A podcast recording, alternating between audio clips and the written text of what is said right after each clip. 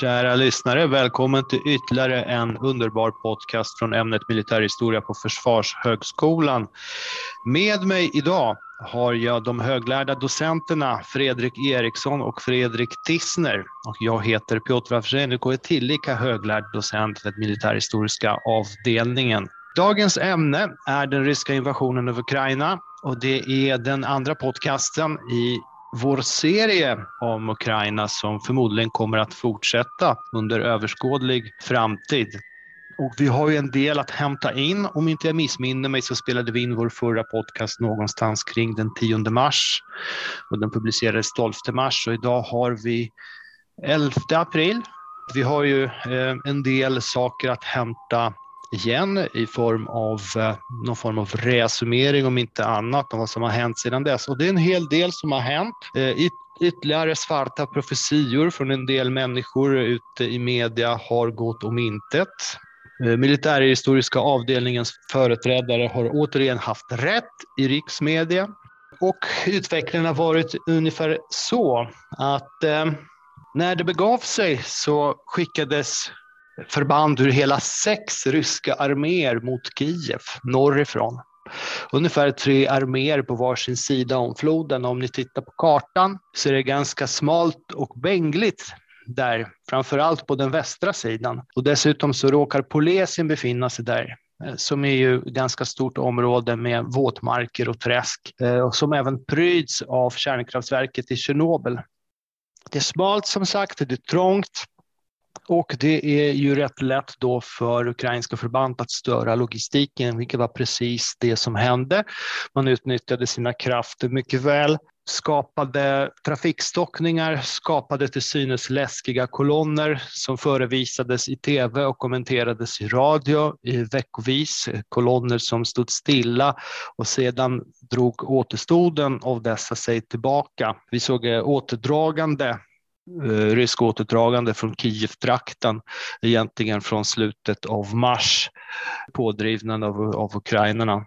För det mesta hyfsat ordnad, men inte alltid. Vi såg eh, mycket stora övergrepp på civilbefolkningen med, med massmord på civila på bägge sidorna av floden, där kanske namn som Butja och Borodjanka för alltid kommer fastna i minnet.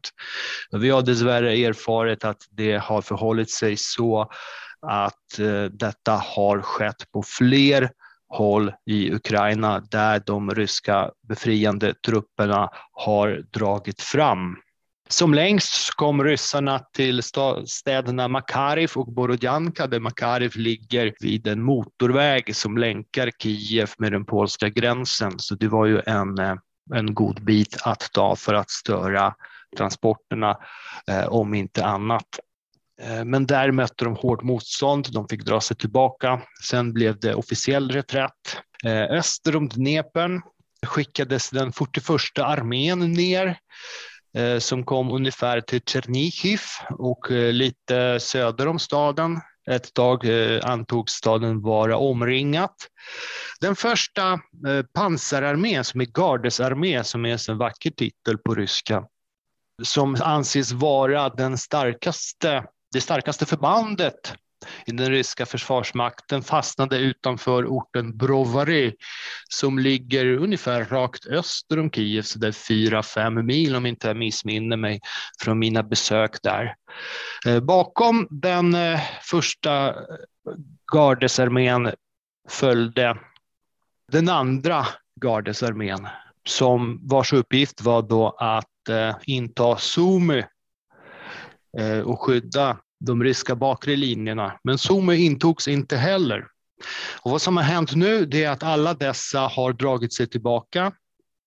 En del ganska illa slagna. Och innan de gjorde det så hann ju till exempel den fjärde Kantemirov pansardivisionen kunnat konstatera att dess reservstridsvagnar av eh, fabrikatet T80, de flesta av dem var på olika sätt inkapaciterade genom att kritisk utrustning som är lätt att omsätta i pengar har avlägsnats från dessa, vilket har lett till en del störningar och eh, dålig stämning på ryskt håll.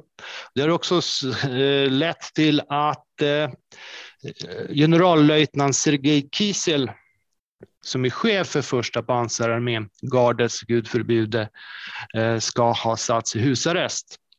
Eh, ryssarna har inte heller intagit Harkiv, eh, vilket de flesta nog skrev under på i början av invasionen med tanke på att Harkiv bara ligger så där två, tre mil från den ryska gränsen och borde då rimligen ha utgjort en ganska lätt bit. Eh, där verkade den sjätte ryska armén vars chef antas återigen av Ukraina ha hamnat i husarrest. Och inte heller har man då lyckats omringa Harkiv. Men där har man behållit trupper eh, norr om stan som fortsatt håller någon form av artillerikontakt genom att beskjuta bostadskvarter och bara liksom göra sig påminda. Samtidigt så rasade det strider i öster, i Donbass.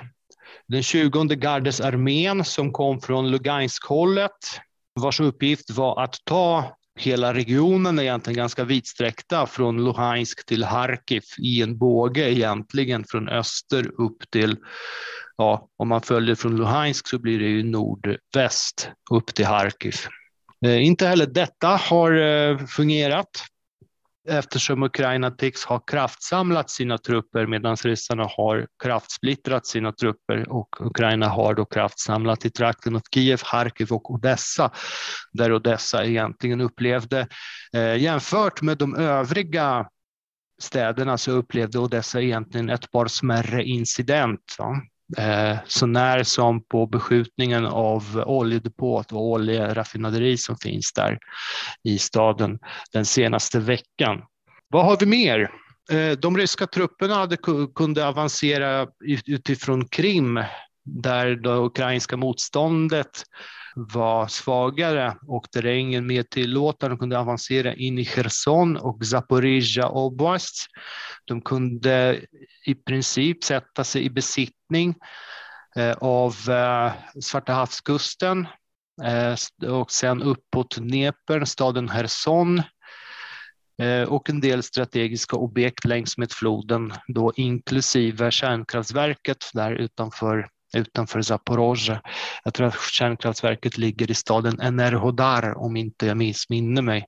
Där har ju de inte heller lyckats nå fram till Mykolaiv som ansågs vara nyckeln till Odessa utan har blivit slagna tillbaka och just nu så ska ukrainarna befinna sig någonstans vid Hersons förorter men tycks inte för tillfället i alla fall ha krafter kvar för att eh, fortsätta offensiven medan ryssarna inte heller har det. Så det är någon form av stiltje på det avsnittet. Så alla de kloka huvudena som finns i världen säkert också de kraxkorpar som inledningsvis då kraxade högst eh, under den här invasionen. De har nu fokuserat på Donbass och på förestående, vad man antar blir rysk offensiv från Izium-trakten och rakt söderut och samtidigt från Svarta havskusten och norrut för att innesluta de ukrainska trupper som finns i Luhansk och Donetsk-länet där. Och när detta då förmodas ha lyckats så, så hävdar en del att eh, större offensivt kan utgå mot staden Dnipro som är en nyckelstad strategiskt sett, en miljonstad med tunnelbana, flera militära förband, numera sönderbombad flygplats och oljedepåer. Men som är mycket viktig med flera broar över Dnepern också och som är en rik och fungerande industristad mitt i Ukraina ungefär 50 mil söder om Kiev. Den 25 mars så förklarade ryssarna att nu var det så där att man avslutat den första fasen i sin lyckade specialoperation. Det har gått väldigt bra enligt plan och nu skulle man ju då eh, fokusera just på Donetsk och Luhansk län, att befria dem från den ukrainska nazistisk-fascistiska knarkövermakten. Vi kan inte, vi kan inte verifiera sanningshalten i det uttalandet, men vi får väl tro på den ryska generalstaben och, och Valerij Gerasimov. Eh, samtidigt så har man inte heller i, intagit Mariupol, utan Mariupol fortsätter att belägras och man binder kanske tiotusentals ryska trupper eh, fortsättningsvis. Och det antas att ungefär 60 000 reservister har inkallats Eh, vars stridsmotivation lär variera högst betänkligt. Och man har även ombildat, lappat, lagat eh, de eh, bat bataljonsstridsgrupper som har varit inne i norra Ukraina och har fått mest stryk.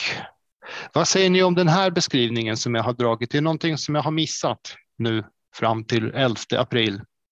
Ja, en, en sak kan man väl lägga till, Piotr. Eh, det här är Fredrik Kistner som talar.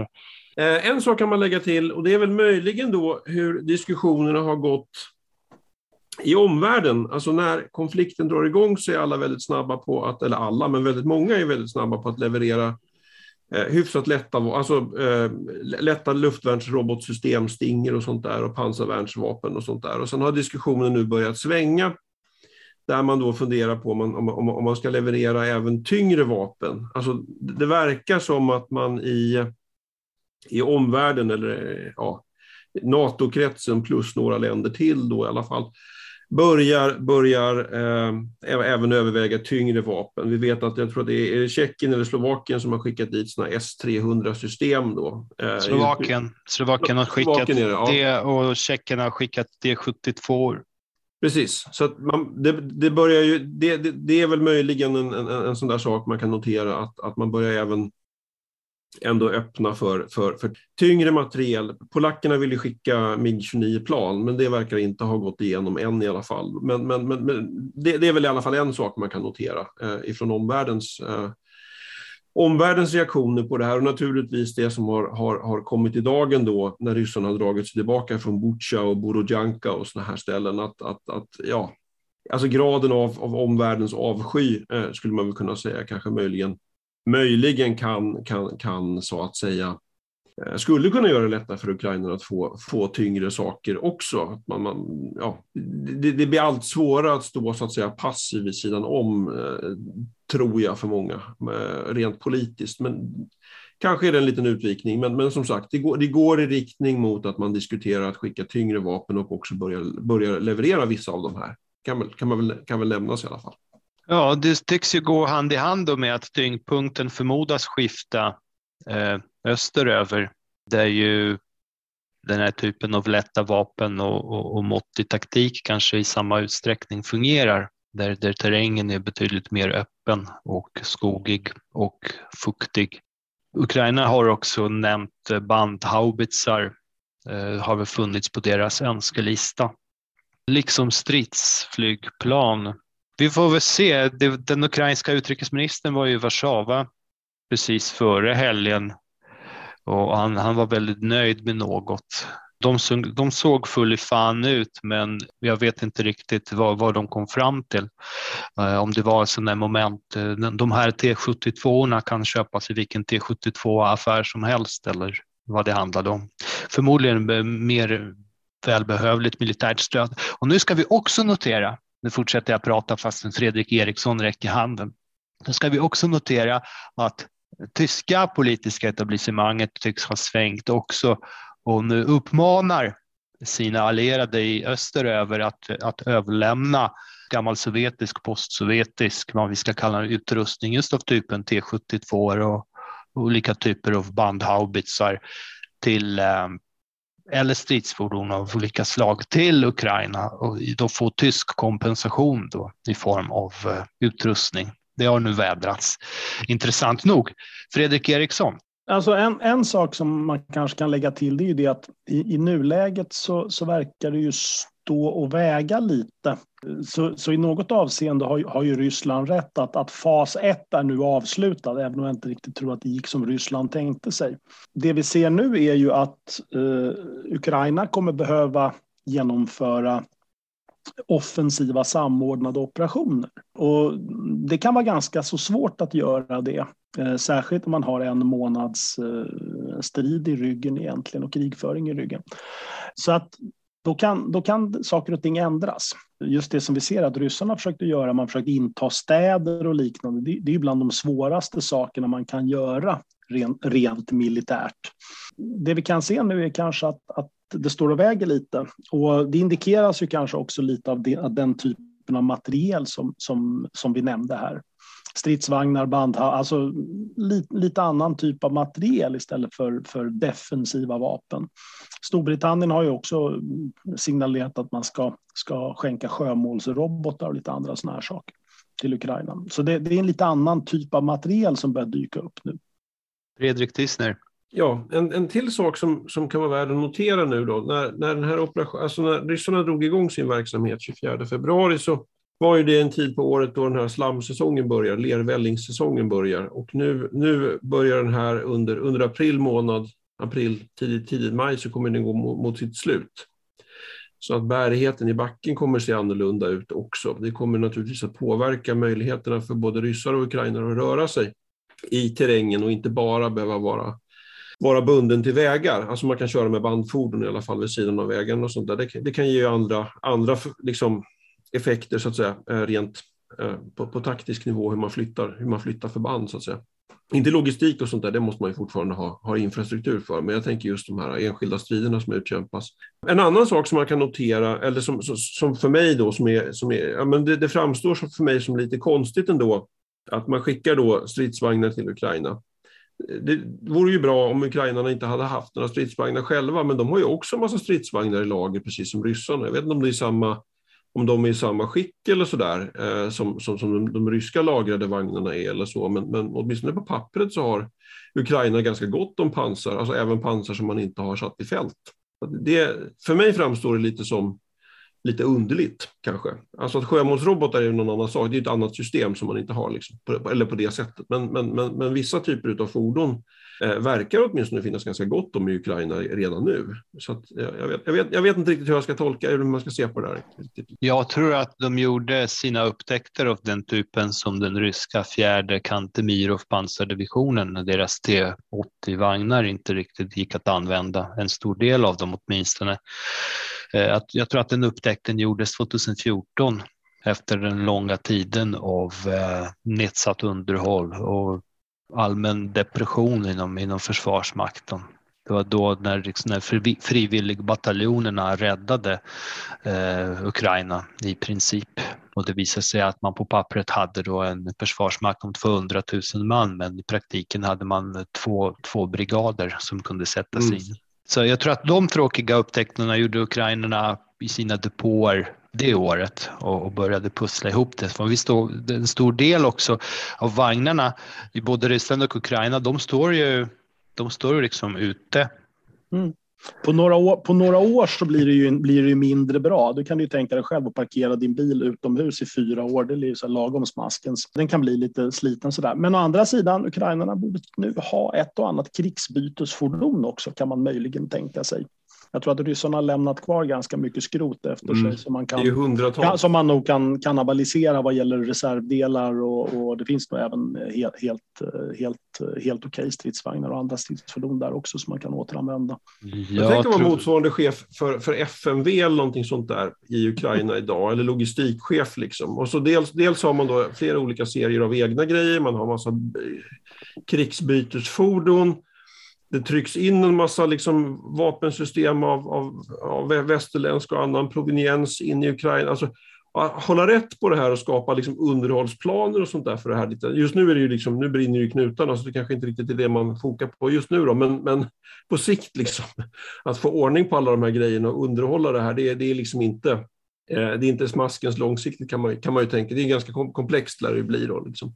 Det är kanske därför den eh, ukrainska utrikesministern också såg så här glad ut efter sitt besök i Warszawa förra veckan. För att det gick ju också väldigt kraftiga rykten om att eh, de här högkompetenta verkstäderna i Slovakien, Tjeckien och Polen skulle omhänderta en del av vagnar och annan utrustning som ukrainarna inte hinner eller kan reparera. De är ju ganska utsatta.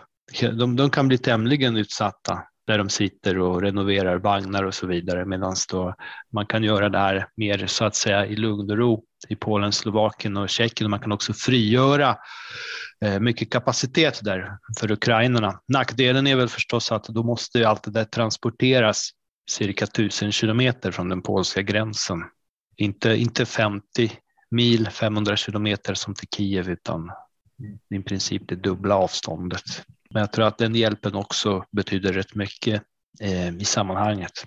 Om vi nu avser att, eh, om vi nu menar att den här vår någon form av reassumering och introduktion till ämnet 11 april är avslutat så skulle vi kanske kunna fokusera på vad det är möjligen för erfarenheter som de bägge försvarsmakterna har dragit ut ur kampanjen eh, så här långt och kanske rent av ha en mer allmän diskussion om hur lärdomar dragits och producerats i konflikttid.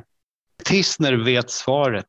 Nej, jag vet inte svaret, det ska jag vara väldigt öppen med. Men jag, jag tänker mig, för det första så är det ju från vårt perspektiv, alltså vi som sitter på läktarna, eller man ska säga, som tittar på det här, så är det ju, det finns ju en massa saker vi inte kan veta. En, en sån sak är ju naturligtvis ukrainska förluster. De, ukrainarna har ju tagit förluster också, men de håller, de håller de siffrorna väldigt tätt in på kroppen. Så att om de är höga eller låga, eller hur man, hur, hur man så att säga på, ser, ser på det rent, alltså när det gäller rent militärt, det, det, det är svårt att veta någonting om. Men om man tittar på det ukrainska totalförsvaret, om vi, om vi börjar där, liksom integrationen mellan, mellan, mellan så att säga, eh, Eh, det övriga samhället och den ukrainska krigsmakten så tror jag att man har lärt sig väldigt mycket saker faktiskt.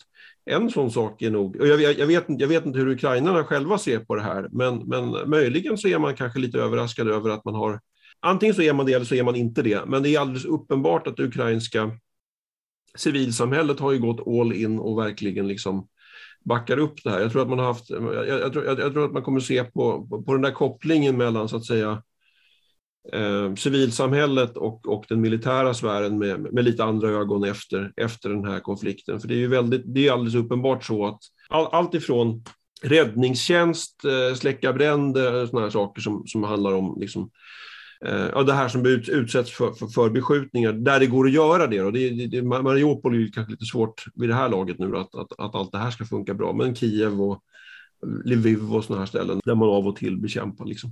Det är nog viktigt att det fungerar för att det frigör ju naturligtvis eh, den ukrainska krigsmakten för det den måste göra nu.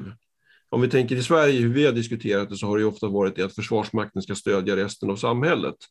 Och här, det här är en situation där det nästan blir tvärtom, att här, här är resten av samhället som får stödja sin försvarsmakt så mycket som möjligt på en mängd olika eh, sätt. Eh, och ett av de här sätten är naturligtvis det att, att, att, att det fungerar eh, så, så, bra det bara kan på hemmaplan så att den ukrainska krigsmakten får fokusera på det den ska göra. Och eh, naturligtvis har, har, vi alla sådana typer av initiativ ifrån den, eh, det ukrainska civilsamhällets sida som att liksom konstruera stridsvagnshinder som man, som man, har, som man har gjort. Liksom. Man, man har tagit fram det var, det, var, det var väl du som sa det Piotr, tror jag, att, att i, i Odessa var det, tror jag, där till och med kriminella gäng har börjat dela med sig av sin, sin, sin, sin liksom arsenal och lära sig civilbefolkningen hur man... Alltså, he, I vissa fall helt osannolika saker som händer, eh, liksom, eh, som händer där, där, där för att, så att säga, bygga försvarsvilja. Vi vet att vi har IT ukrainska IT-entreprenörer som har jobbat mycket med appar och grejer så att man kan få liksom bomblarm och faran överlarm och sådana saker i, i sin mobiltelefon om man vill. För märkligt nog så funkar ju den här, eller fläckvis i alla fall, så fungerar ju liksom telefontäckning och sådana saker i Ukraina. Och, och, här och var i elförsörjning och sådana uppenbara, sådana saker fungerar ju också av och till. Liksom. Så att, ja, det, det, finns ganska mycket här som man kan titta på Men jag tror att Ukraina som stat kommer att dra, dra, dra, dra mycket lärdom. Och det finns säkert liksom negativa upplevelser av det här också, att det blir råddigt och, och sådana här saker. Men det kan vi inte veta någonting om idag. Men andra stater, alltså även vi i Sverige, borde ju lära oss otroligt mycket av det som sker i Ukraina nu. Liksom. Hur länge pallar en stad? Vad, vad pallar man egentligen med? Hur, hur, hur, hur, hur dimensionerad måste brandkår vara? Hur, många, hur måste sjukhusen vara dimensionerade för att klara inte bara det dagliga, liksom, utan, utan, utan vid, vid så här förhållandevis långvariga, rätt intensiva kriser som det ju innebär att vara i en stad som är utsatt för flyg och artilleribeskjutning. Liksom. Det finns ju massa sådana saker som, som finns med ur ett samhällsbyggnadsperspektiv. Och att, att försvarsviljan hos en befolkning faktiskt kan bli är påfallande hög när det väl, when the shit hits the fan om man säger så, att det faktiskt händer en massa saker då som, som, som kanske i fredstid, jag vet inte, Ukraina har ju på sätt och vis varit i krig i åtta år, så de har ju haft tid på sig att liksom i någon mening i alla fall då vänja sig vid det här. Men, men jag tror att även i, i, i, länder som Sverige och andra som inte har varit i krig på väldigt, väldigt länge vid en sån här kris nog skulle få en det skulle vara en ordentlig boost för försvars... Det ser vi ju i Sverige med folk som har sökt till hemvärnet och sånt där. Det ökar, har ökat liksom lavinartat här nu de sista, sista månaderna eller månaderna. Liksom. Det finns ganska mycket på, om, vi börjar på den lite, lite höga, lite loftiga, liksom lite luftiga nivån, liksom om, om, när vi pratar totalförsvar och sånt där som är ganska intressant också tycker jag med den här, med den här konflikten. Eh, som, som både Ukraina och, och som, som, som ja, men länder som Sverige och Tyskland och andra liksom, europeiska stater kan, kan dra nytta av. Ja, det finns, eh, det finns en hel del där. Jag kan börja med att nämna en siffra. Jag såg igår i polsk press och det är 516 000 516 000 det är antalet människor som har passerat från Polen in i Ukraina sedan krigsutbrottet. För vi brukar prata om flyktingströmmar som förstås är enorma och det, det är enormt lidande för, för människorna. Det är stor utmaning för de stater som tar emot där mycket handla, hamnar på civilsamhället och så vidare. Men om vi återigen fokuserar på Ukraina, en halv miljon människor har rest in. Elnätet fungerar. Man uppskattar ungefär en miljon människor om dagen då som blir utan el. Och det, är, det är fortfarande så där uppåt 40 miljoner som, människor som befinner sig kvar i landet. Eh, vilket är en ganska god siffra. Tågen går, signalsystemen fungerar, loken fungerar, underhåll fungerar. Posten fungerar. Du kan skicka paket från Lviv till Dnipro eller Odessa och det paketet kommer komma fram. Kanske inte dagen efter eller två dagar senare, men fyra, fem dagar senare eftersom det finns andra prioriteringar då längs med järnvägarna som man har, eh, som man gör. Eh, så att man har ju onekligen byggt upp en, en, en mycket god eh, resiliens på, på något sätt. Samtidigt så har vi också sett att de förmodade cyberattackerna mot den ukrainska infrastrukturen, de har förvisso inte uteblivit, men de har inte precis haft eh, någon sån där bestående chockverkan eh, som det ofta diskuterats om. Utan är det någonstans, är det något som har ödelagt Ukrains infrastruktur så är det liksom rysk, rysk krigföring. Eh, den här obegränsade krigföringen mot allt och alla byggnader, människor, djur och så vidare som, som de har ägnat sig åt. Onekligen, alltså själva försvarsviljan och resiliensen, det är något att titta på, uh, absolut. Man måste nog fundera på det här även i, i ett svenskt perspektiv, att om vi ska ha myndigheter, om vi ska ha samhällsfunktioner att fungera hjälpligt i alla fall i, i, i krig och kris, så är det nog en bra utgångspunkt att de faktiskt gör i fred också säger jag lite magsurt som pendlar mellan Uppsala och Stockholm och konstaterar att det där är inte helt trivialt alla gånger. Liksom. Eh, så det, det, det, jag skulle säga att en, en av åtgärdspaketen för svensk, för, för, svensk del nu när man ska bygga upp totalförsvaret, det kan ju faktiskt vara att se över ja, men hur väl funkar, alltså, vad är det som inte funkar idag då? Alltså nu när vi inte har eh, liksom, i, i, i, i, fredstid. Vad är, det som, vad, är det, vad är det för brister vi har identifierat redan idag i Sverige och vad kan vi göra åt det? Ja, elförsörjningen fungerar i Sverige, men, men överföringskapaciteten mellan norra Sverige och södra Sverige är sisådär och det kanske inte var så liksom, smart att lägga ner liksom, eh, energi eh, ja, kraftverk, enkelt uttryckt, i södra Sverige på det här sättet som man har kanske gjort då. För man kan ju tänka sig att det här, om överföringskapaciteten i fred är, är ansträngd så kanske den inte finns alls i krig, lite beroende på vad man, vad man gör. Andra saker man kan naturligtvis eh, fundera på det är, eh, är sjukvårdssystemet. Jag har varit inne på det tidigare. Sjukvårdssystemet. Vi, har ju haft, vi, jag menar, vi vet att svensk sjukvård har varit oerhört ansträngd under, under vår pandemi och det, det, det har den varit i de flesta länder misstänker jag. Men det är frågan om vad, vad, vad, skulle det innebära om det inte är ett antal hundra som kommer in med andningsproblem utan det är ett antal tusen som kommer in med, med, med, med rätt akuta splitterskador och liksom, eh, ja, allt, allt sånt här som man drabbas av när, när, eh, och brandskador och grejer när, när, när man utsätts för fysisk bekämpning utav, av, av städer och sånt där. Alltså det, det, det, finns, det, det, finns en massa, massa tror jag, läxor att göra i, i, även, även i Sverige genom att titta på hur, ja, men vilka funktioner det faktiskt är som utsätts i Ukraina. Nu är Ukraina ett ganska bra exempel. Eh, om man ska, det är naturligtvis ett väldigt tråkigt exempel också, men om man, om man ska se det lite, lite, lite sådär analytiskt och, och dra nytta av det själv så är det ju ett bra exempel. För det är ju en, det är en stat som utsätts för ett, ett, ett, ett så att säga, ett fullskaligt väpnat angrepp där man får se på exakt vilka... Eh, alltså man testar ju hela skalan egentligen av samhällets saker. Jag är helt övertygad om att ukrainska motsvarigheten till cyberförsvaret arbetar häck, häcken av sig liksom dag och natt också. Men, men här får vi se liksom hela skalan. Det är, det, är, det är inte riktigt som de här bara för ett par år sedan när man pratade om gråzonskrigföring och, och, och, och cyber och så. Det lät som att det var, ja, myndigheterna måste samarbeta lite bättre och sen så är det vissa som måste bli ännu bättre. Liksom, men i övrigt så är det, här är det faktiskt allt som testas. Och det, det, där kan man göra, eh, borde man kunna göra ganska goda beräkningar på, liksom antalet sängplatser per 100 000 invånare, antalet liksom läkare och sjuksköterskor per och så vidare. och så vidare, och så vidare liksom. Livsmedelsförsörjningen är en annan sak som är rätt intressant i den här situationen. Nu fungerar ju eh, i stora delar av landet i alla fall fortfarande transportsystemen väl. Men, men, men det är naturligtvis helt avgörande för, för ett land där, där det finns många stora städer och att, att, att det ändå kommer in mat och såna här saker, att vattenförsörjning och grejer fungerar. För annars, annars är det ju liksom Annars blir det som en, Mariupol är, är väl exempel på en stad där, där, där, där, där vi idag kanske inte riktigt har det. Då, liksom. men, men, men, många andra städer så fungerar det faktiskt hjälpligt.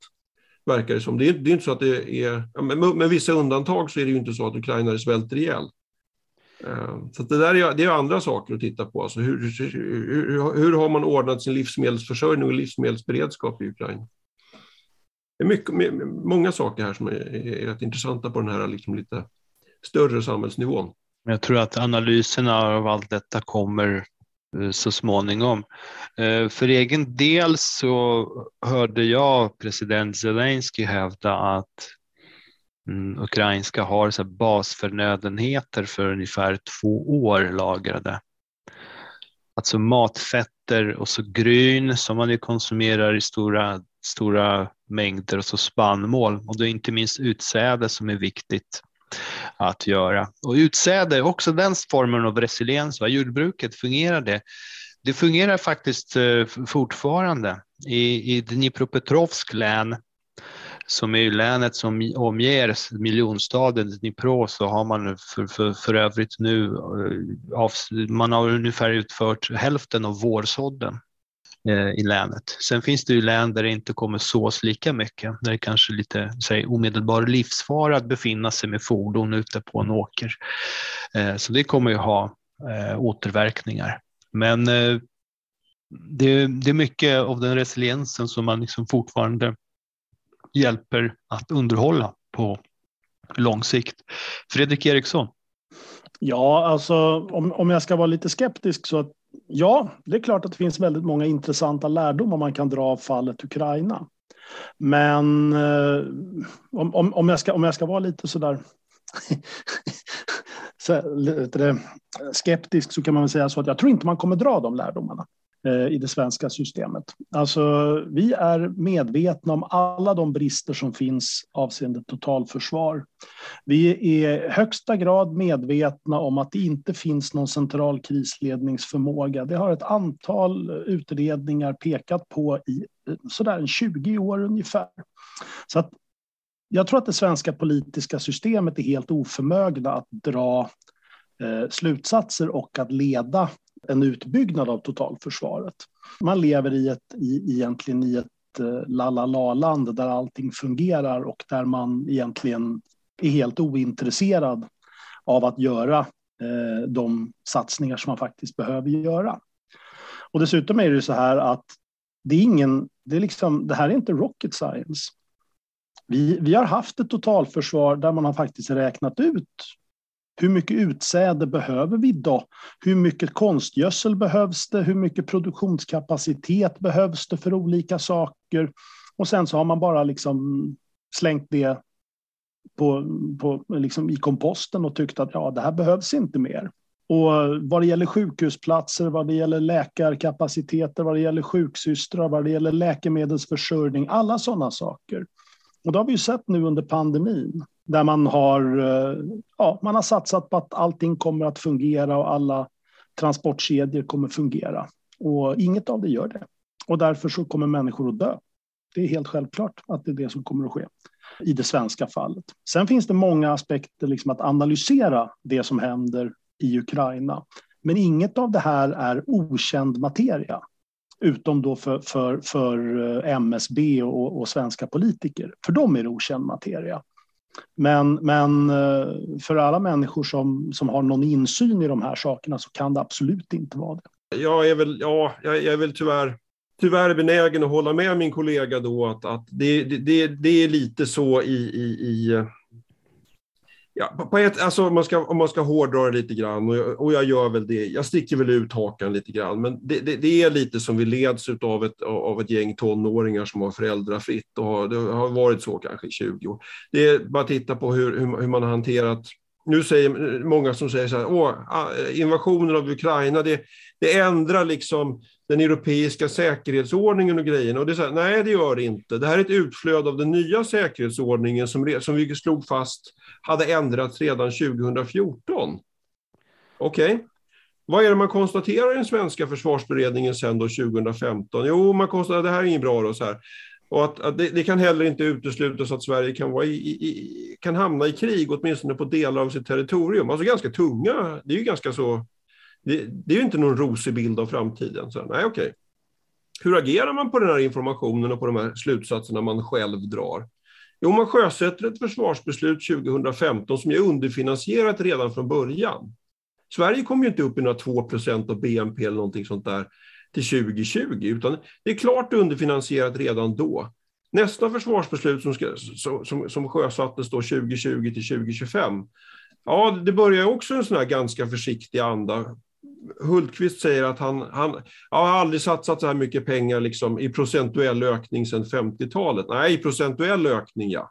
Men på 50-talet så lägger Sverige ner så där en fyra fyra, en bit över 4 procent av BNP på sitt eget försvar. Liksom. Det är därför som Sverige också kanske hjälpligt i alla fall kan hävda att man kan vara en, en, en militärt alliansfri stat och så, för man har faktiskt ett liksom. Men ja, så går, sen går det fram till 20, 2022 då, ja, men då, då upptäcker man att ja, vi kanske ska öka till 2% av BNP i alla fall. Vi kanske ska, inte när då vi ska göra det, men, men någon gång ska vi göra det i alla fall. Det är kanske ett rimligt mål. Det hade varit ett rimligt mål att ha haft den, den målsättningen redan 2015. Så det är ju klart att våra politiker, eller, och jag, jag tänker inte peka ut något enskilt parti här, utan jag ser det snarast här, hur våra, hur våra partier förhåller sig A till verkligheten och B till varandra. Det är liksom det som är vår svenska politiska kultur. Eh, ungefär så menar jag nu här. Och det är uppenbart att den här typen av frågor eh, tar man inte liksom på något vidare stort allvar egentligen. Och vad har nyheterna varit nu när, med, med, med coronapandemin som fortfarande finns kvar faktiskt, den börjar väl klinga av, men, men ändå. Jo, men det handlar ju om att, att, att man försöker undfly ansvar eller för, för saker som har det, är, det är lite deprimerande som, som medborgare att konstatera. Ja, vi lever i en demokrati och vi har uppenbarligen fått de politiker vi förtjänar. Liksom. Det, det, det är liksom Bolibompa-politik åt Bolibompa-folket. Det är så det blir. Ja, det är ungefär så det blir. Och, och vi kanske ska glida ifrån där liksom vita, arga, bittra män som är radikala. Jag tror det kan vara ganska klokt det faktiskt. Och kanske, kanske, kanske ta tillbaka det här till, till, till, till, till föremålet för vad den här podden ska handla om egentligen. Men lite, ja. själv, lite, lite självreflektion är inte fel. Nej, men alltså man, man, måste, man måste ju, man måste ju det, om man ska säga någonting seriöst, så är det ju så att det här säger någonting om hur man drar slutsatser och planerar för framtiden. Vi i Sverige, eller i den svenska statsapparaten, har inte gjort detta de senaste 20 åren. Man har avskaffat allting och glidit in i någon allmän eh, liksom, rosa skimrande bubbla där inget kan hända. Och det här illustrerar det som nu sker i Ukraina och i vår när, vårt närområde. Att det kan hända saker. Och det är därför vi ser det här liksom bryska uppvaknandet nu. Men det handlar ju mest om att, un, un, att, att liksom undslippa ansvar. Det är ju det det handlar om. i all ärlighet, då, om man ska vara lite bussig då mot våra svenska politiker, ska man, det finns en typ av kriser man faktiskt ändå har, har kunnat hantera i Sverige.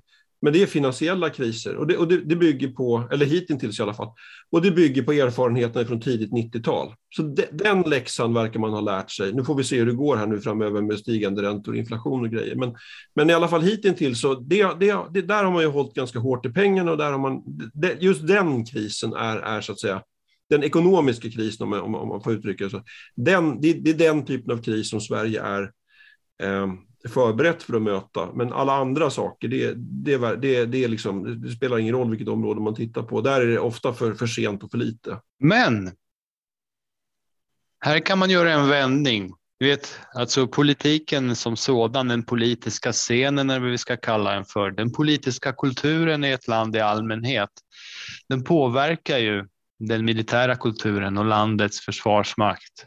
Tar vi strålkastarljuset mot Ryssland, då det finns väl egentligen två saker här. En av orsakerna till invasionen som man har företagit mot Ukraina, som ju inte utmanat eller provocerat någon på, på något sätt militärt. Och en annan är varför ryska soldater agerat så barbariskt i många situationer och radikaliserats på det sätt som de har radikaliserats på. Och då nämner jag återigen Butja, Borodjanka med flera sorgsna platser i Ukraina och fler lär det dessvärre bli i takt med att eh, utredningarna utvecklas och fördjupar kunskapen om de krigsbrott som har begåtts. Nyfiken som jag är så läste jag bok, en bok av Alexander Golds som är rysk militäranalytiker. Eh, jag tror bestämt att han verkar som journalist också. Långa tider har han varit verksam som journalist. Military Reform and Militarism in Russia, det vill säga militär, militärreform och militarism i Ryssland. En bok som kom ganska nyligen, 2019, som blickar, fokuserar först och främst på Putins tid i makten och de i stor del menar han uteblivna militära reformerna, som han menar är mer som att sminka en gris. Ja, en sminkad gris, det är fortfarande en gris, som en av mina hopstuderande förklarade för mig. Något som jag bär med mig. Det här meddelandet från det svenska folkdjupet, där Golds menar att, som jag sa, Eh, de har varit ganska ihåliga, reformerna. Första årtiondet var inte Putin särskilt intresserad av reformer överhuvudtaget och framförallt så de första sju åren, utan han tycktes köpa fortsatt någon form av mastodont sovjetisk armé som byggde på eh, allmän värnplikt och massmobilisering i tid av krig. Rimligen tycker då eh, Goltz så borde åtminstone demografin ha fått Putin att, och, och de, alltså de, plan, de planerare inom Försvarsmakten att, att tänka om eftersom demografin går ju Ryssland emot, både på kort och på lång sikt. Eh, sen är det en fråga om militär effektivitet, om det är det optimala i den moderna krigföringen, att hålla sig med, med en värnpliktig massarmé som man mobiliserar. Och ni minns ju säkert de ryska mobiliseringarna historiskt sett, hur man mobiliserar folk och så fraktar man dem över hela riket och, och så vidare. Det blir ju ganska eh, utdraget eh, företag. Och det är de problem som man faktiskt möter även idag när man ska skrapa ihop de här 60 000 reservisterna. Att de ska skrapas faktiskt över hela riket och fraktas och så vidare. Hittas det att börja med också i det vidsträckta riket. Så att 2007 händer ändå något och man tillsätter den här Anatolij Serdjukov som vi diskuterade förra podcasten. Det är liksom reforminriktade ministern som hatas intensivt av Försvarsmakten. Han är den första civila försvarsministern någonsin. Bara en sån sak. Så han hatas ju desto mer. Han är delvis tillsatt för att reformera och delvis är han ju civil.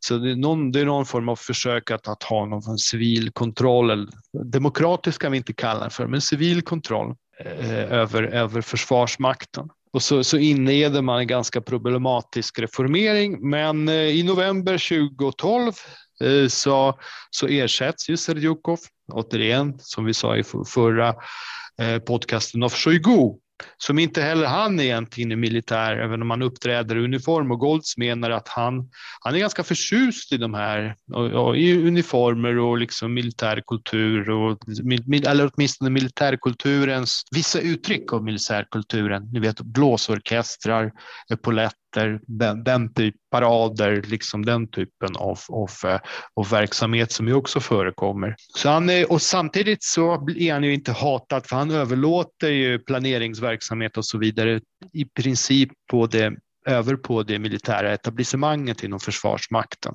Det vill säga han, han tar en liksom mer tillbakadragen roll menar när eh, Goltz. Och resultatet blir nog halvdana förändringar och en, en försvarsmakt som är inte moderniserad på riktigt. Va? Inte, inte genomgående, eller som Golds uttrycker det, det finns liksom ingen sammanhängande genomtänkt militärreform. reform eh, alltså, som, som syftar på att modernisera den ryska krigsmakten i grunden. Och han drar, och här blir det riktigt intressant för oss som är historiker och för oss som Tisner och jag som tycker om allt som är gammalt, till exempel 1700-talet, 1800-talet, där det börjar brännas lite för Fredrik Eriksson också. Och det är ju, han jämför den ryska militarismen eh, med den preussiska. Han menar det finns likheter. Eh, man försöker med hjälp av militären bevara det gamla samhället. Man ser militären som en försäkring mot modernisering och samtidigt som är krigsmakten och dess storhet då, dess liksom, eller åtminstone inte storhet, men dess bild i samhället. Det är någon form av ersats för egentlig samhällsmodernisering. Och här är jag faktiskt benägen att hålla med honom, för Ryssland har ju systemiskt sett haft problem, historiskt sett haft problem med samhällelig modernisering, till exempel demokratisering. Man är benägen att ta till sig de här hårda bitarna av moderniseringen alltså industriella revolutionen med alla dess faser och så vidare och så vidare. Eh, men här menar han att det här är någon form av ersats eh, och den nya militarismen eh, som han ser komma under Putin är återigen hämsko på moderniseringen av Ryssland samtidigt som man ju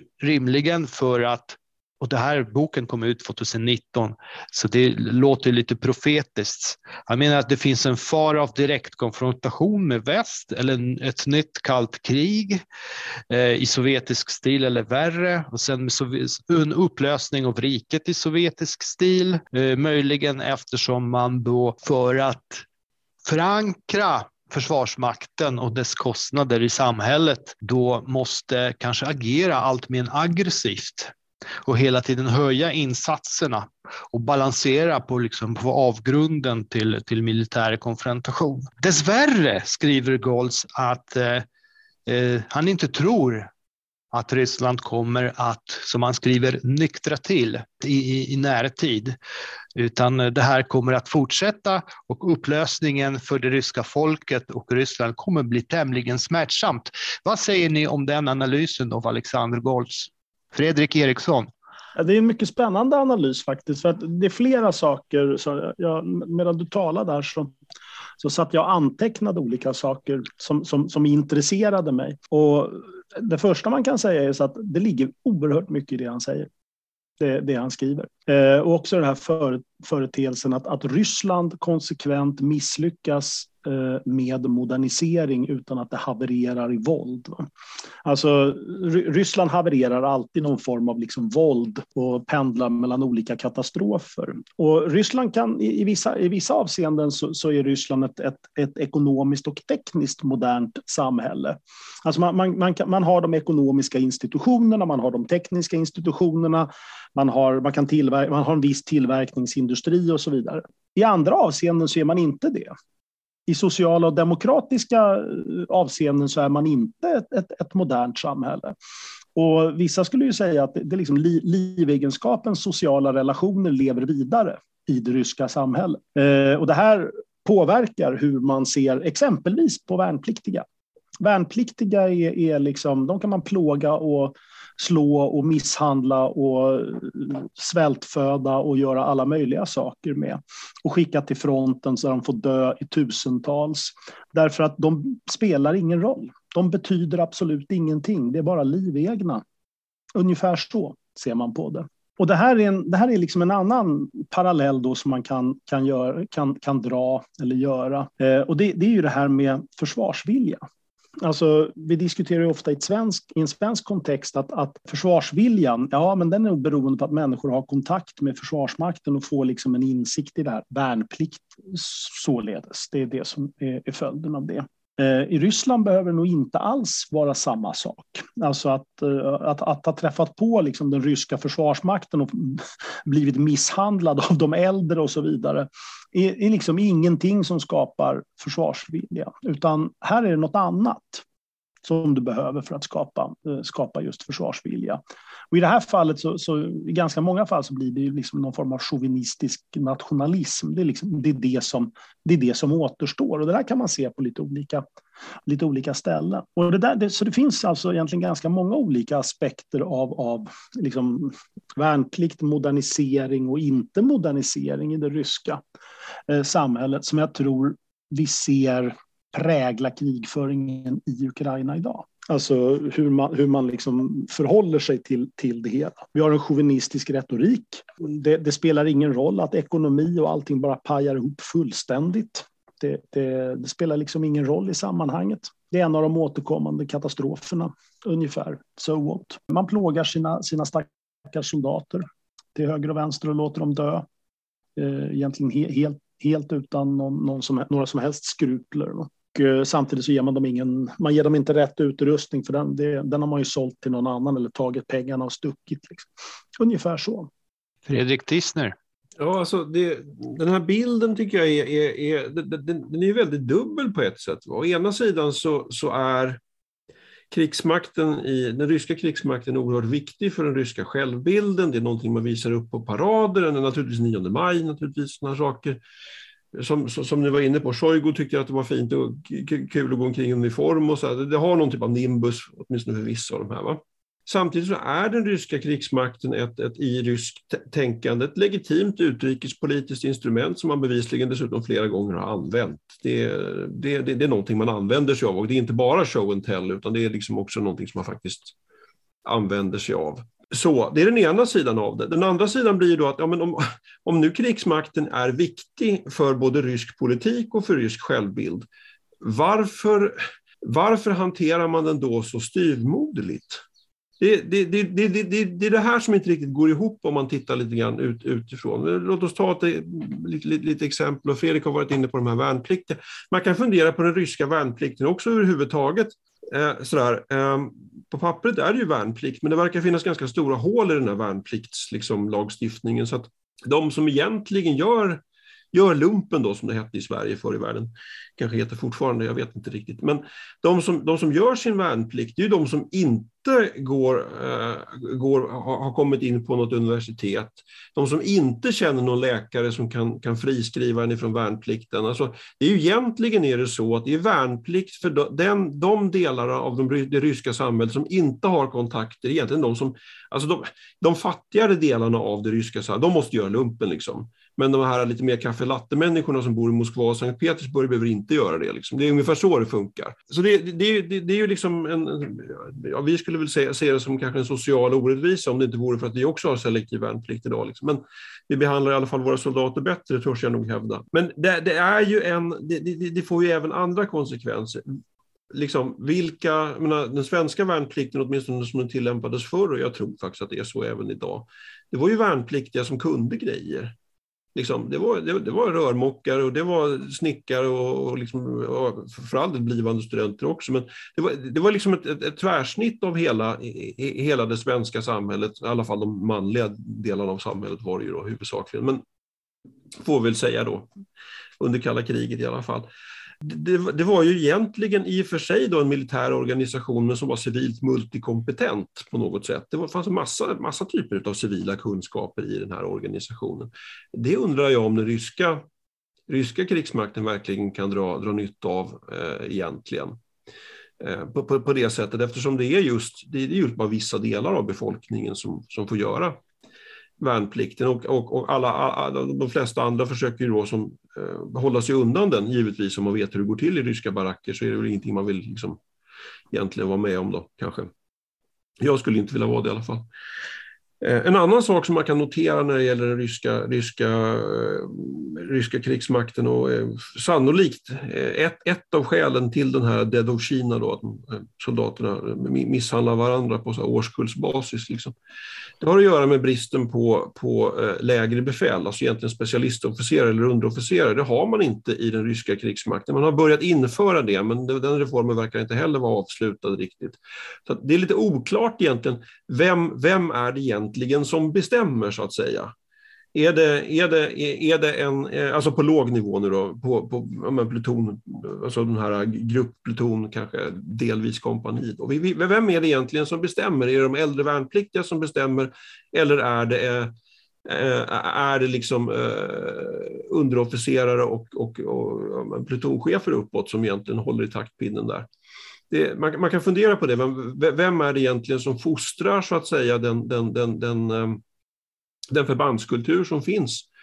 Eh, där, där det liksom är relevant att diskutera när vi ska prata om eh, Butja och Borodjanka och sådär. Vem, vem är det som, vem är det egentligen som, som, som så att säga som, som, som, som håller i det här? Vem är det som så att säga, fostrar den här kulturen på, på låg nivå? Eller är det bara saker som händer? Jag, jag tror inte det, givet att Butja och Borodjanka är egentligen bara ett utflöde av saker som har hänt ända sedan egentligen och i synnerhet andra Tjetjenienkriget och framåt. Det här, är, det här passar tyvärr in ganska bra, eller bra, det här passar tyvärr in ganska väl i ett, i ett ryskt mönster de sista 20 åren åtminstone. Och det, det, för mig, det, det för mig då, eh, nu har jag varit inne och grottat lite på låg nivå här och pratat om värnplikten, hur den funkar och bristen på specialister och underofficerare. Men om vi går ända upp till politisk ledningsnivå och titta på den nivån eh, eh, så brukar man ju när man diskuterar strategisk kultur prata om kopplingen då mellan politik och krigsmakt. Och rimligen så blev det väl ett ganska stort brott, tänker jag mig, när Sovjetunionen föll där. Eh, och jag, jag, vet inte, men det, här är, det är jag som spekulerar och gärna vill att någon hugger på den, på den kroken av någon av er. Vad innebär egentligen den här nya regimen under Putin så småningom i förhållande till, till Sovjetunionen? Till det gamla sovjetiska systemet. Min tes är att jag tror att här, här, det är här på 90-talet vi får en, en, en, en, någon typ av ny rysk militär kultur. Det kan finnas element kvar från den gamla naturligtvis också, men det här brottet sker. Det, det, det, det verkar vara det rimliga att, att, att, att tänka sig så. Det, det är liksom det som förklarar att den, den ryska krigsmakten av idag ändå inte är den sovjetiska, liksom alla kalla kriget. Eh, eller så är det det, jag vet inte. Eh, är det någon som vill hugga på den och liksom spinna vidare på den tråden får ni gärna göra det. Eriksson? Ja, det här är en intressant fråga. Alltså, det är klart att det är skillnad mellan, mellan Röda armén och, och, och, dagens ryska armé i några avseenden. Och det är klart att det är skillnad mellan Röda armén och den tsarryska armén i olika avseenden. Men en sak om vi tittar på, på, på militär kultur som företeelse så handlar ju just den om om de, de liksom djup, djupstrukturer i organisationer. Så att, ja, det finns nog alldeles jättemycket kvar av många äldre system eh, i den ryska krigsmakten. Alltså inte bara avseende värnplikt utan hur man ser på krig. Och det, det, det är ju en, det är en extremt viktig företeelse. Alltså hur, hur, man ser på krig. Är krig någonting, ett, någonting existentiellt eller är det någonting annat? Va? För att det ger lite hur man, hur man liksom förhåller sig till det. Och vi, vi har ju alla en sån här favoritbok. Va? Det, det Isabel V. Hall, Absolute Destruction, som handlar om, om, om krigföring i, i, i kejsartyskland, alltså hur man ser på krig. Och hon, har, hon använder exemplet med, med Herero-krigen i Sydvästafrika i alldeles de första åren av 1900-talet. Där den tyska krigsmakten liksom förintar Herero-folket. Och egentligen inte av, av några andra skäl än att alla krig i tysk, i tysk tänkande är existentiella. Eh, och eftersom det är existentiellt så kan man inte förlora och då kan man göra vad tusan man vill med civilbefolkning. Så då slänger man in de här stackars människorna i läger där de får svälta ihjäl. Egentligen inte för att man, för att man liksom tänker sig att det kanske är det som ska ske, men det är det som sker. Va? Och på det här sättet så agerar man hela tiden konsekvent. Alltså, människoliv betyder ingenting. Och framförallt så, när saker, framförallt så när saker börjar gå en emot. Och det vi ja. ser de här parallellerna från Isabel ja. B. Halls bok, det, det ryska agerandet mm. och krigsbrotten i Ukraina idag. Ja. Det är att när saker börjar hända emot, när man mm. börjar dö i, i stort antal, mm. mm. eh, när logistiken inte fungerar och man, man är kall, kall och fuktig och småhungrig, då mm. går allting, då går organisationen i spinn. Plus att jag tror bestämt att ryssarna är av uppfattning om att det rör sig om existenskrig. Om man ja, nu utmålar så. Ukraina som anti-Ryssland. Va? Ja, ja, anti-Ryssland får man ju tänka på antikrist återigen. Mm. Jag kan ha sagt det tidigare. Men det är alltså det är ett hot, det är ett existentiellt hot mot den mm. ryska civilisationen och sättet att leva och framförallt då relationen stat-undersåtar. Va? Ja. Stat-samhälle, med samhället som är underordnat staten och där staten inte i princip är då utskott mm. av samhället som liksom på något sätt stödjer samhället och samlar samhällets krafter, kanaliserar samhällets krafter och resurser, utan det är snarare tvärtom. Va? Mm. Eh, så att jag tror absolut att det är existenskrig. Femte... Alltså det, är en kombination av olika faktorer i det här. Alltså, apropå, apropå radikaliserat språk och, och nationalism mm. och chauvinism. Femte april så, så skrev Dmitrij Medvedev, som har, han har blivit mycket flitig skribent på sistone och Ukraina-expert också, han skrev en liten text Eh, han är ju vice ordförande i ryska säkerhetsrådet, eller för federationens, ryska federationens säkerhetsråd är väl mm. Eh, dess fulla namn. Han publicerade det här på Telegram, mm. där ingen av herrarna har ett konto, nej. Nej, nej jag har inte heller konto där, men jag läser press.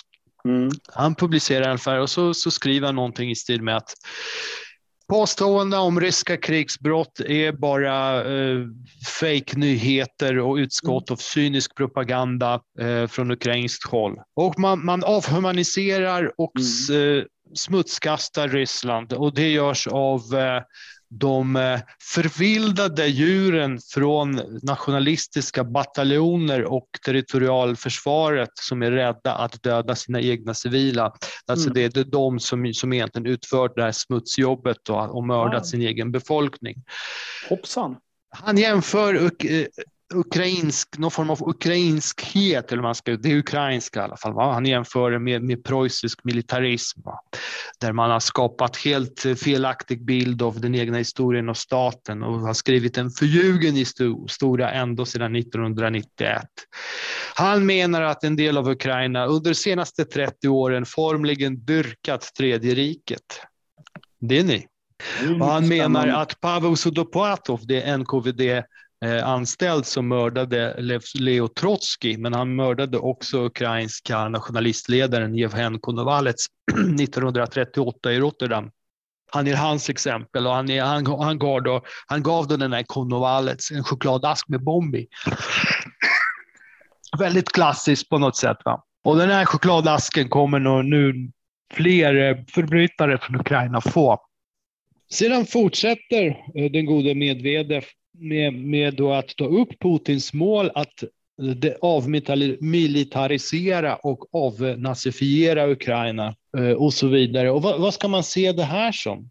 Mycket, mycket aggressivt språk, eh, mm. öppet totalitära då, eh, paroller. Han förfäktar någon form av tvångs om utbildning av Ukraina. Han avhumaniserar hela ukrainska mm. folket. Han, mm. Nej, men det finns ju likheter. Han rättfärdigar, han ja. rättfärdigar de, de, här, de här krigsbrotten. En, en ganska omfattande retorisk eskalation eh, gentemot Ukraina och även västvärlden som eh, lyckligtvis också, och trevligt för oss, då, uttrycker växande frustration över den havererade planen på att erövra Ukraina eh, och en frustration över västs sammanhållning och motståndskraft som man ändå visat och det bistånd som har lämnats till Ukraina. Och samtidigt så används det här väl, det används för inrikesbruk för att fortsatt hålla den anti-ukrainska hysterin i landet ganska högt va? och mobilisera breda befolkningslager kring den ryska politiken. De lever ju i en informa alltså informationsmässig ostkupa Det är ju, det är ju vad de gör. Det är därför de står längs med vägen och applåderar när trupperna åker in i Ukraina. Mm. Det här pekar ju egentligen på, på, på, lite saker vi har sagt tidigare också, gör inte det Piotr? Mm. Att, eh, man, man, brukar säga så här att det, det ryska samhället Rysslands befolkning, de är otroligt historiemedvetna. De, historien spelar en väldigt viktig roll för, för, det ryska, för ryssarna generellt i alla fall. Mm. Men den fråga man måste ställa sig då är, ja, men vilken del av historien är det ni... ni alltså det, det är en väldigt liksom, tillrättalagd och vald historiebeskrivning man, man använder sig av.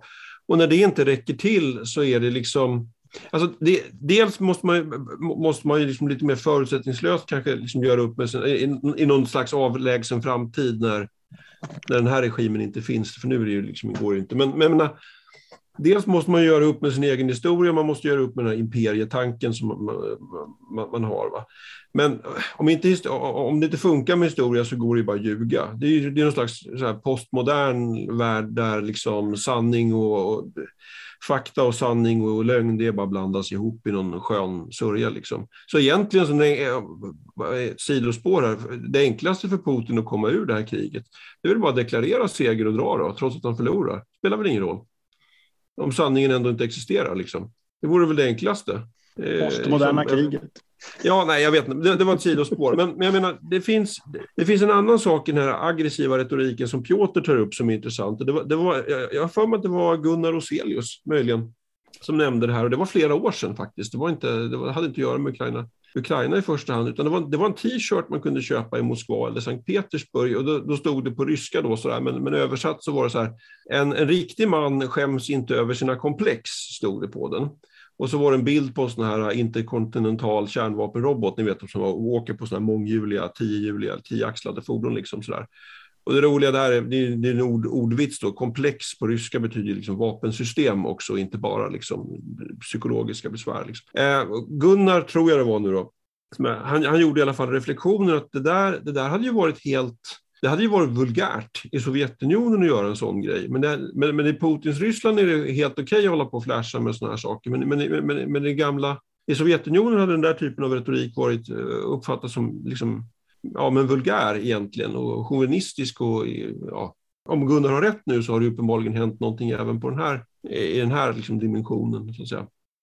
Ja, en, en sak som slår mig när vi talar om det här ideologiserade språkbruket, det, det, det som jag kopplar det till, det, det är ju liksom att det här kan ju ses som en förberedelse, eller alltså en mental förberedelse för att man kan göra övergrepp egentligen. Det här att avhumanisera, att beskriva kriget som existentiellt eh, och beskriva ukrainare som nazister och så vidare. och så vidare. Det här, det här är ju, det, fin, det finns ju en bok av, av eh, vad heter han, Omer Bartov ja. som, som, som heter så Barbarization of Warfare on the Eastern Front Eh, under andra världskriget. Och han undersöker ju liksom tyska förband i Ryssland och tyska förbands övergrepp på alla möjliga sätt. Mord, folkmord, våldtäkter och alla såna här saker. Och han landar ju i att det finns ett antal olika eh, saker som påverkar det här. Och ett av dem är ideologi. Alltså att man är ideologiskt eh, förberedd på att det vi träffar nu är någonting annat. Det här är inte liksom vanliga människor, utan det här är någonting annat.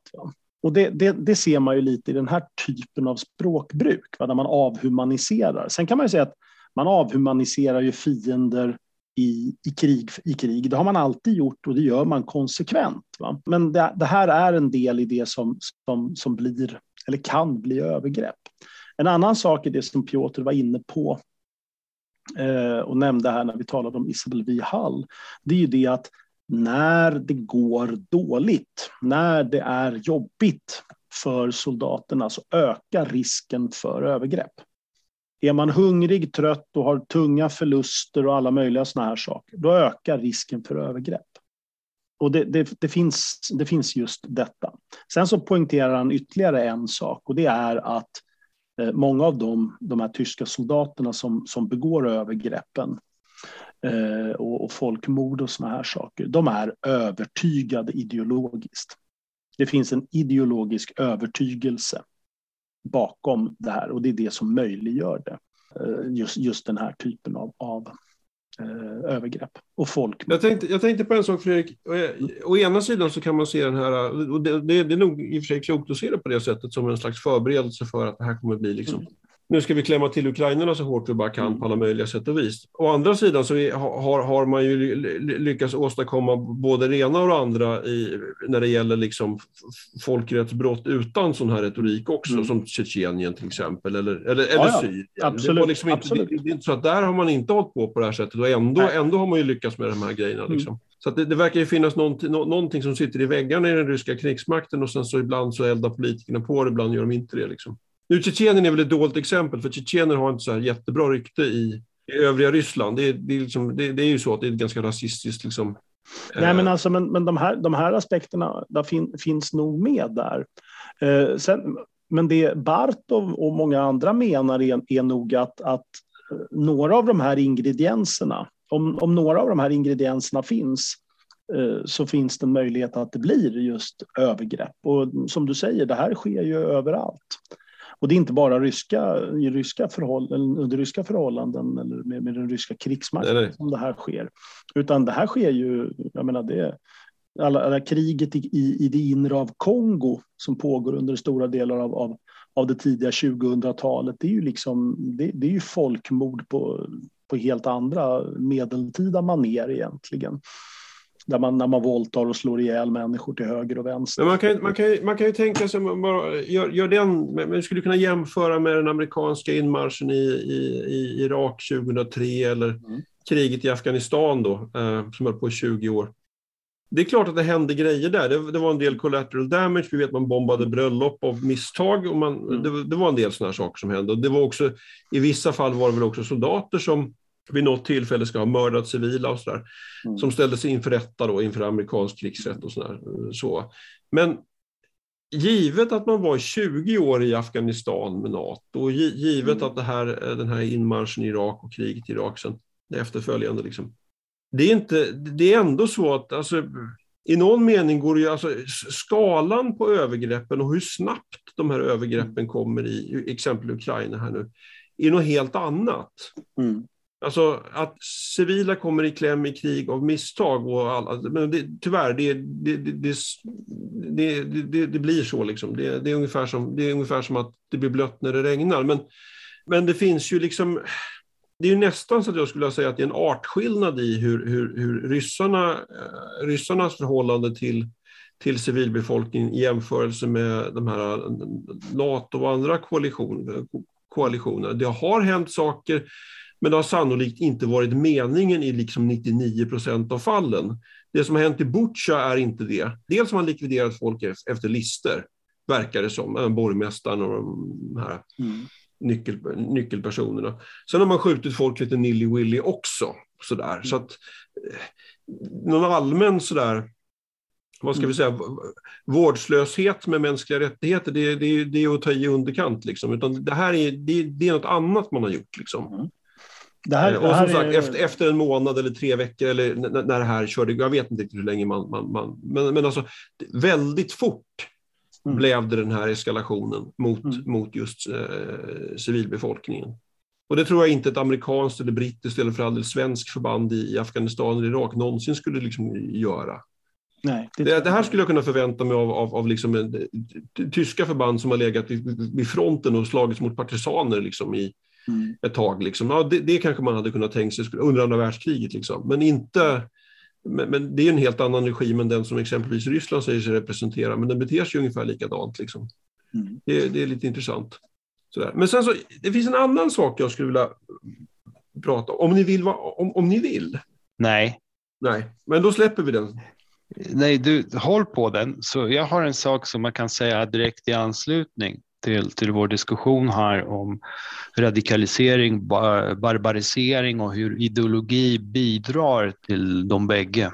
Eh, mm. Och det är ju att eh, utöver att eh, det finns någon form av ideologisk förberedelse här med anti-ukrainsk propaganda som har skett som bidrar till radikalisering och barbariseringen så har vi också som en del av det det är fantasin om den gode lillryssen, det vill säga ukrainaren. Va?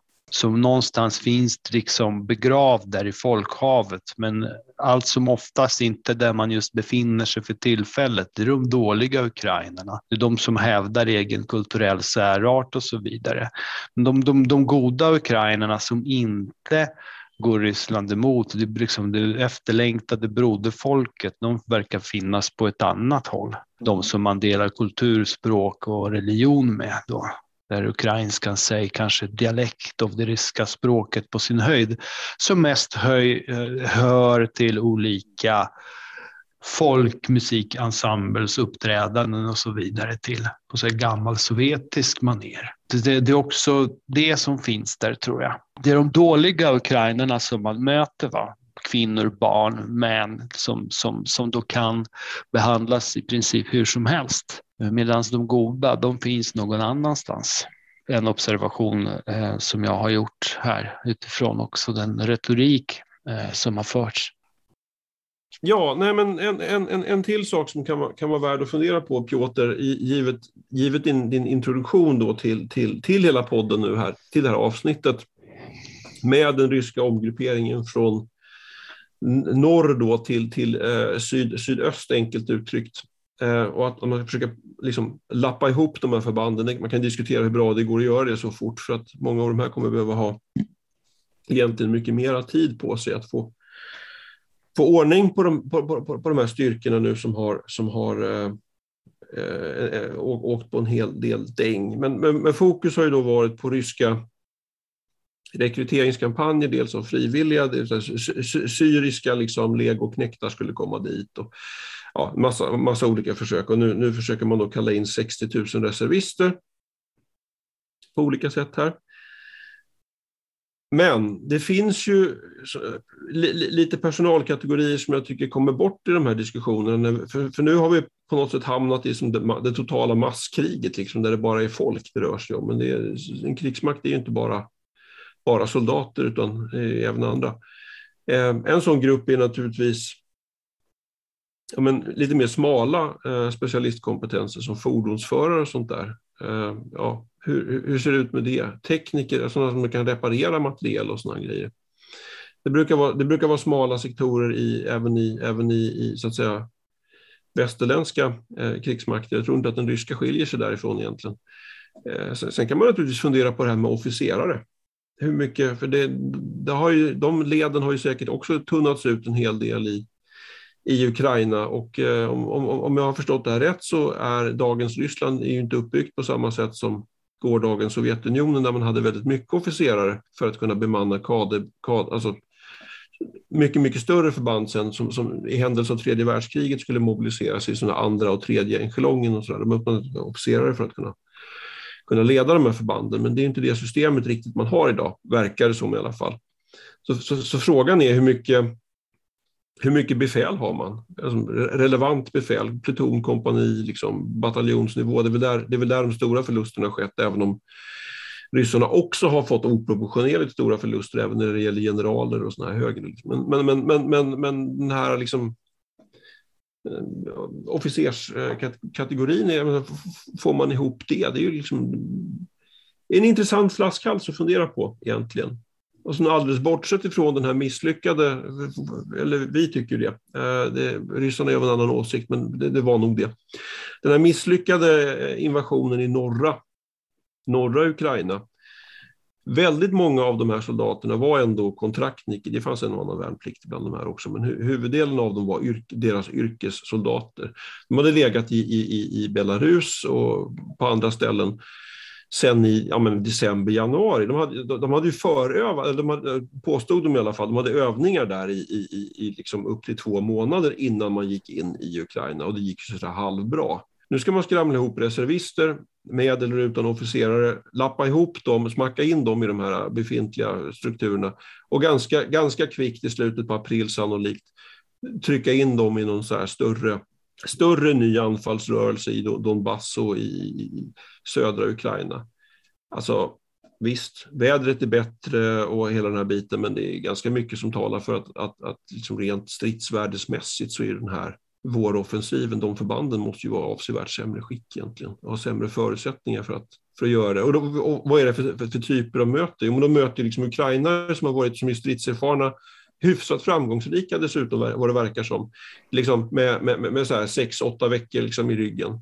Det här kan gå åt vilket håll som helst, men det är inte, det är inte självklart att det kommer bli en promenadseger för ryssarna. Liksom. Ganska mycket tvärtom faktiskt. Nej, och man har ju också dragit dit, eh, jag tror det är femte armén som vanligtvis är stationerat i det behagliga området eh, eh, norr om Vladivostok.